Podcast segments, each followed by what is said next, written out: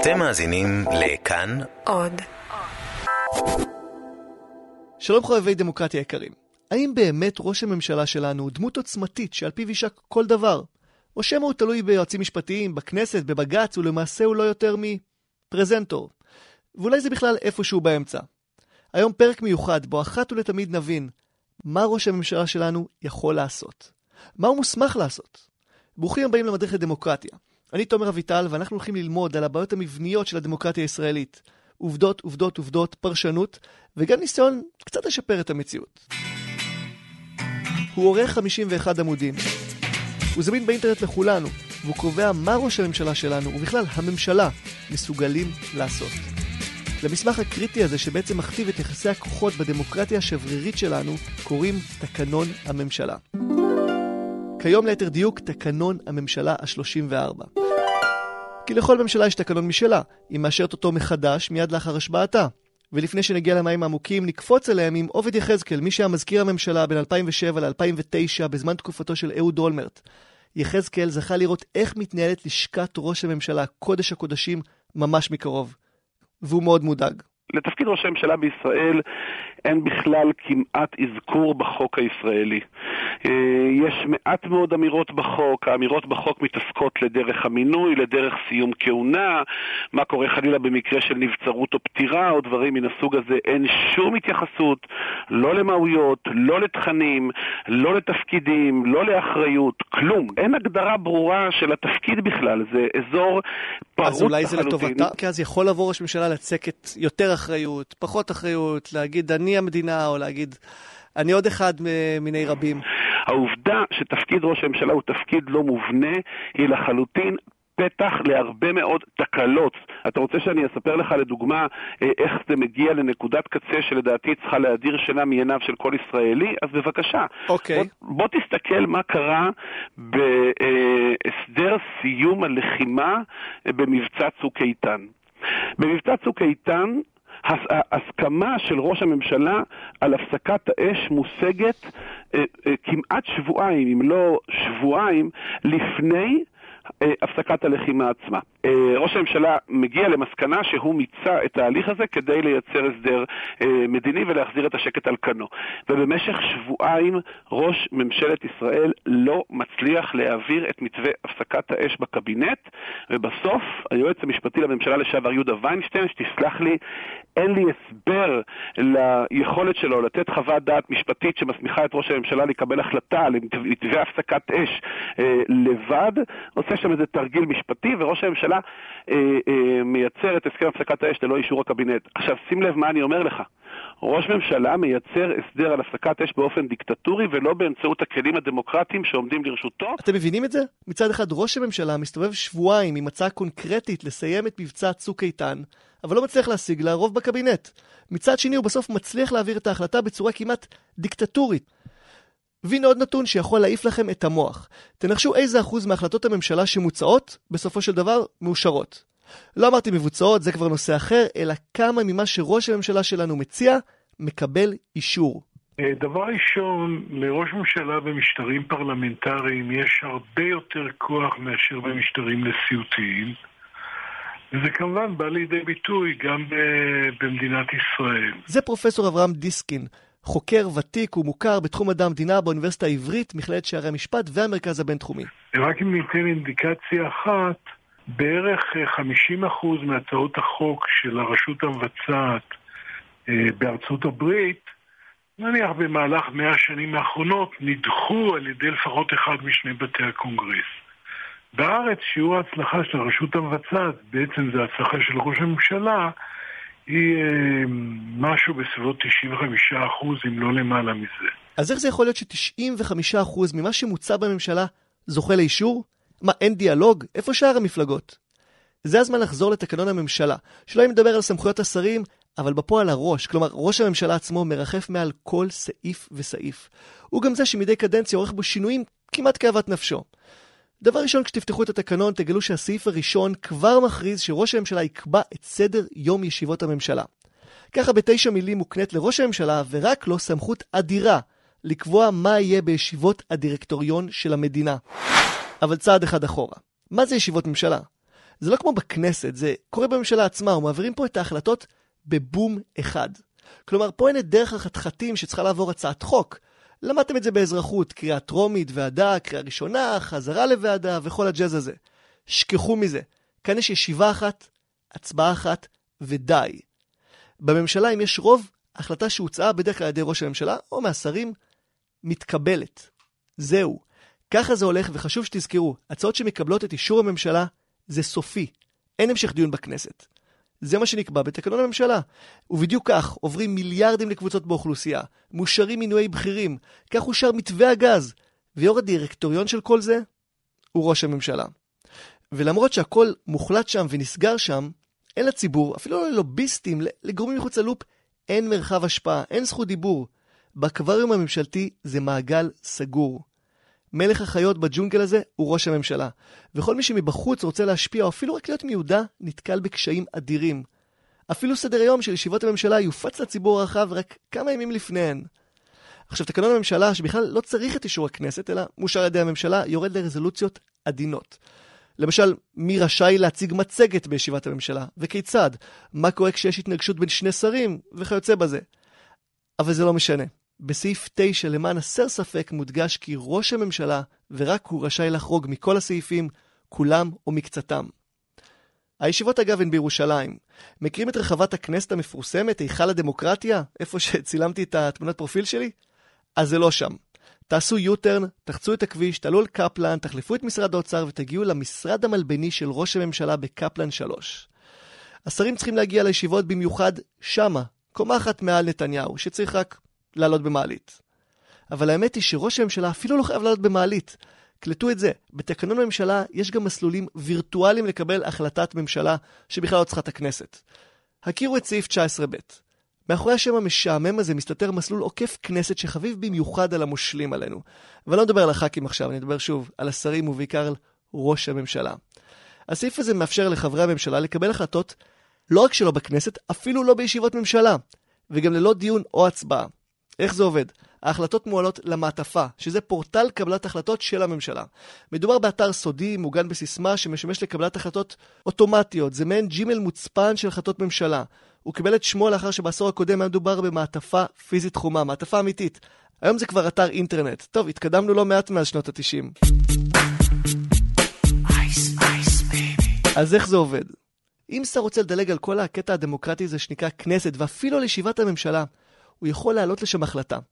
ואם תוך שבוע אף שר אחר לא מסתייג או מגיש ערר, זה מקבל תוקף. תוקף אוטומטי. בום, כמו הצעת חוק שהתקבלה בקריאה שלישית. כלומר, בניגוד להצעות הנידונות סביב שולחן הממשלה, אלו לא מגיעות אפילו לידיעתם של כל השרים, אלא אם הם בוחרים אקטיבית להיכנס לאתר ולקרוא אותן. עכשיו, ההצעות שעולות כאן חייבות להיות בברכתו של ראש הממשלה, ולא מעט מהן מיוזמתו. כן, שמעתם טוב, ראש הממשלה יכול לקבל החלטה שתשפיע על החיים של כולנו, בלי לעבור בכנסת ואפילו בלי לעבור בישיבת ממשלה. אחת ההחלטות שהתקבלה כך קובעת למשל שכל העובדים במעון הרשמי של ראש הממשלה ימונו על ידו, בלי מכרז. כלומר, ההחלטה קבעה שלא צריך יותר מכרזים, וראש הממשלה יכול למנות את מי שהוא רוצה לתפקיד הזה. האם זה אפקט מני נפתלי כי הוא רוצה מקורבים ולא מישהו שיכול להדליף משהו? האם זה בכלל החלטה לגיטימית? הרי זה ראש הממשלה, הגיוני שהוא יקבע מי יראה אותו בנעלי בית.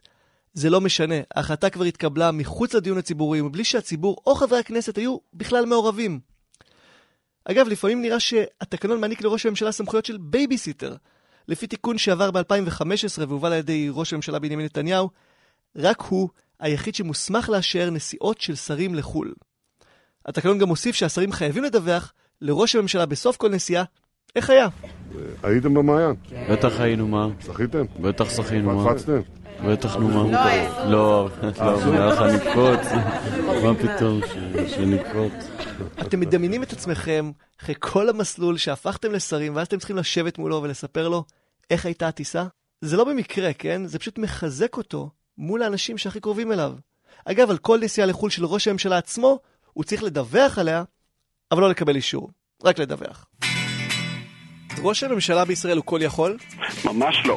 תגיד, ראש הממשלה נתניהו משיג את כל מה שהוא רוצה? לא. אתה מכיר מישהו שמשיג את כל מה שהוא רוצה? דוקטור קליין, האם ראש הממשלה בישראל הוא כל יכול? ממש לא. מהתקציר הזה על התקנון אפשר לחשוב שראש הממשלה שלנו הוא באמת כמעט כל יכול. אבל זה לא באמת המצב. Uh, ממש לא.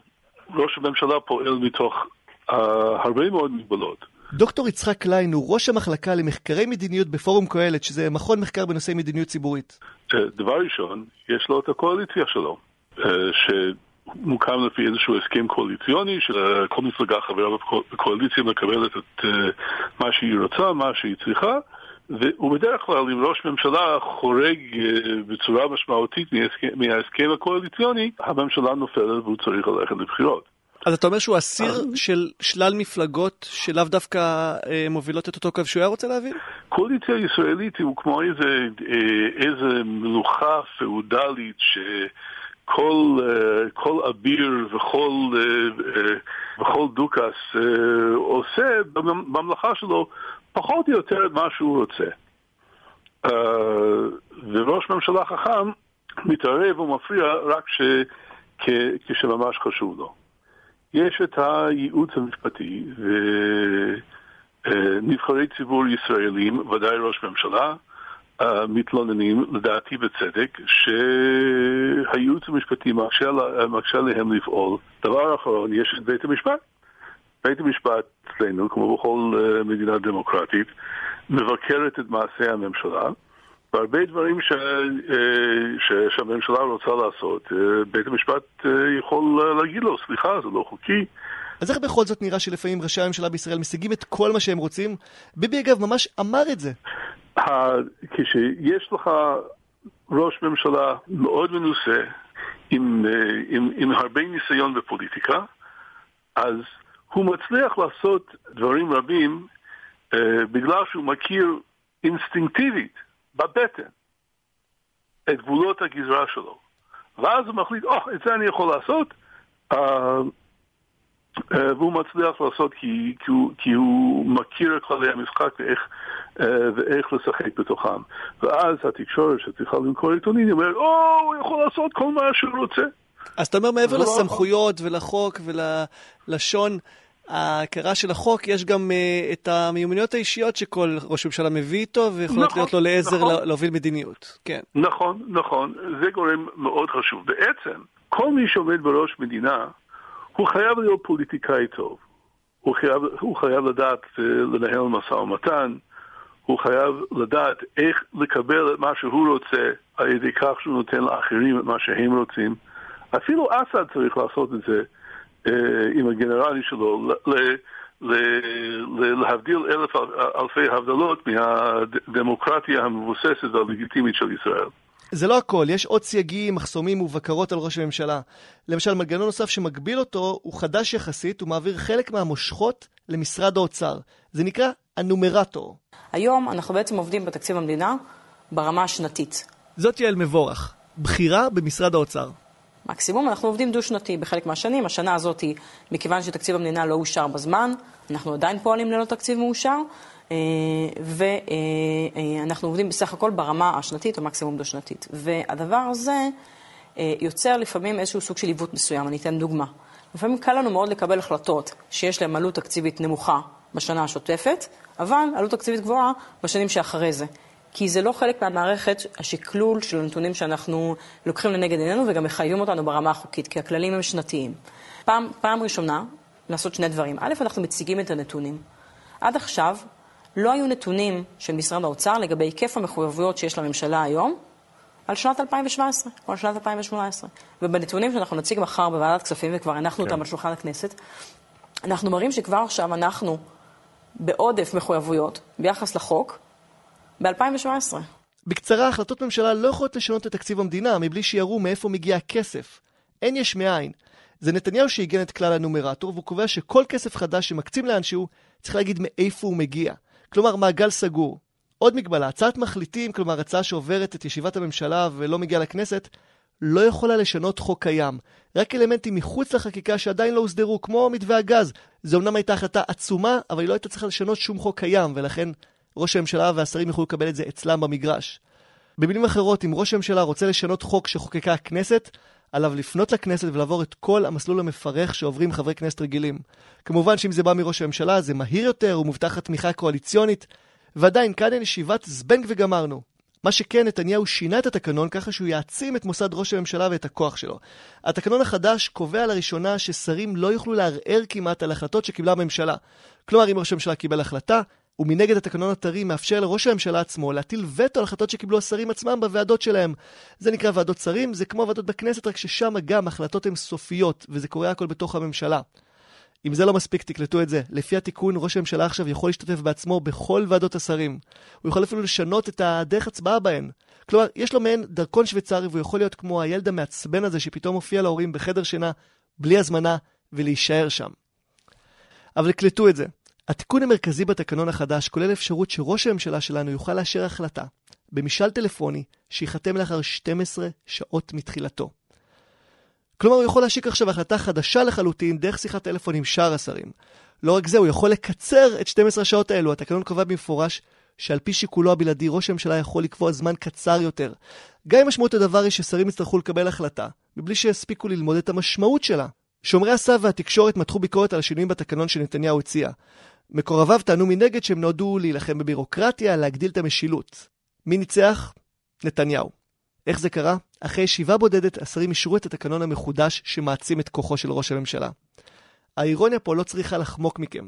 הממשלה אישרה בחופזה שינויים אדירים בדרך שבה היא יכולה בעצמה לאשר שינויים. אבל למה השרים הצביעו בעד החלטה שמקטינה את כוחם מול ראש הממשלה? זה בדיוק הקטע. את הליך האישור הוביל ראש הממשלה, אותו אדם שלפי התקנון עכשיו שולט לשרים בטיסות שלהם, בהחלטות שהם יכולים לעלות לסדר היום, בפרוטוקולים שהם יכולים לקרוא, בכל. אגב, למרות החששות, לא כולם מיהרו להצדיע. השרים אביגדור ליברמן, יצחק אהרונוביץ' ושלום שמחון התנגדו להצעה. ליברמן הסביר שהוא התנגד בגלל הדרך שבה הובאה ההצעה לממשלה, ללא דיון מסודר ומקדים, לא היה לו בכלל זמן ללמוד אותה. זה לא עזר. תיקון התקנון אושר. הכל טוב ויפה, זה התקנון, אבל מאיפה שואב ראש הממשלה את הסמכות המרכזית שלו כשליט המדינה? הסמכות הלא מוגדרת הזו מודגמת אולי הכי טוב בסיפור הכרזת המדינה. זוהי זכותו הטבעית של העם היהודי להיות ככל עם ועם עומד ברשות עצמו במדינתו הריבונית.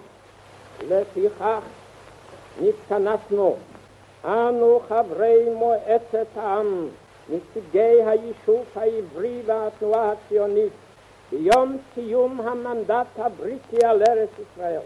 ותוקף זכותנו הטבעית וההיסטורית ועל יסוד החלטת עשרת האומות המאוחדות אנו מכריזים בזאת על הקמת מדינה יהודית בארץ ישראל.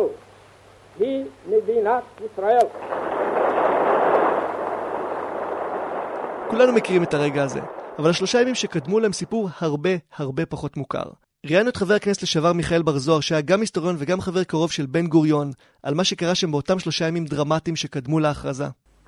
באותה ישיבה של מנהלת העם, שאירעה ב-12 במאי 1948, הייתה אווירה מאוד בטוחה. עם פתיחת הישיבה הגיעו מברקים, קודם כל מוושינגטון, ששם שר החוץ האמריקאי ג'ורג' מרשל לחץ שלא להכריז על קמ"ן. הגיעו מברקים מבירות ערב, מקהיר, מדמשק, על החלטתם לשלוח כוחות ל- כדי להרוג את המדינה הזאת באיבה. למעשה גולדה מאיר פגשה את מלך עבר הירדן, עבדאללה, שאמר לה שהוא הולך למלחמה נגדנו.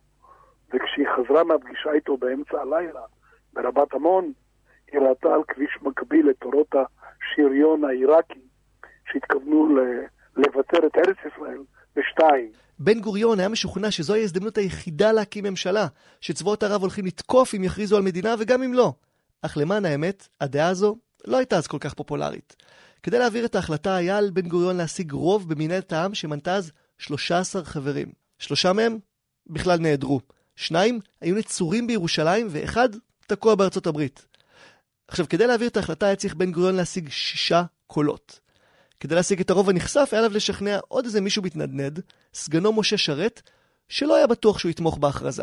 שרת השתכנע שאנחנו עומדים בפני סכנה גדולה, וארצות הברית, כמו שאמר לו מרשל, תטיל אמברגו טוטאלי, כלומר איסור טוטאלי של מכירת נשק לישראל, ולא תבוא לעזרתנו, כמו שאמר, אם תרוצו לבקש עזרה, אל תסמכו עלינו.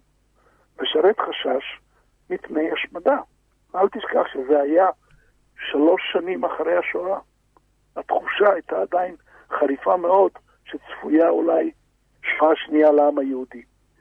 ואז כששרת הגיע, והוא התכוון ללכת למרכז, שכבר התכנס, ולנאום, ולהמליץ לא להקים מדינה. היום זה כבר נשמע טריוויאלי, אבל אז, למרות שהיה בטוח ברמ"ח איבריו שיש להכריז על הקמת המדינה, בן גוריון נאבק כדי להעביר את ההחלטה.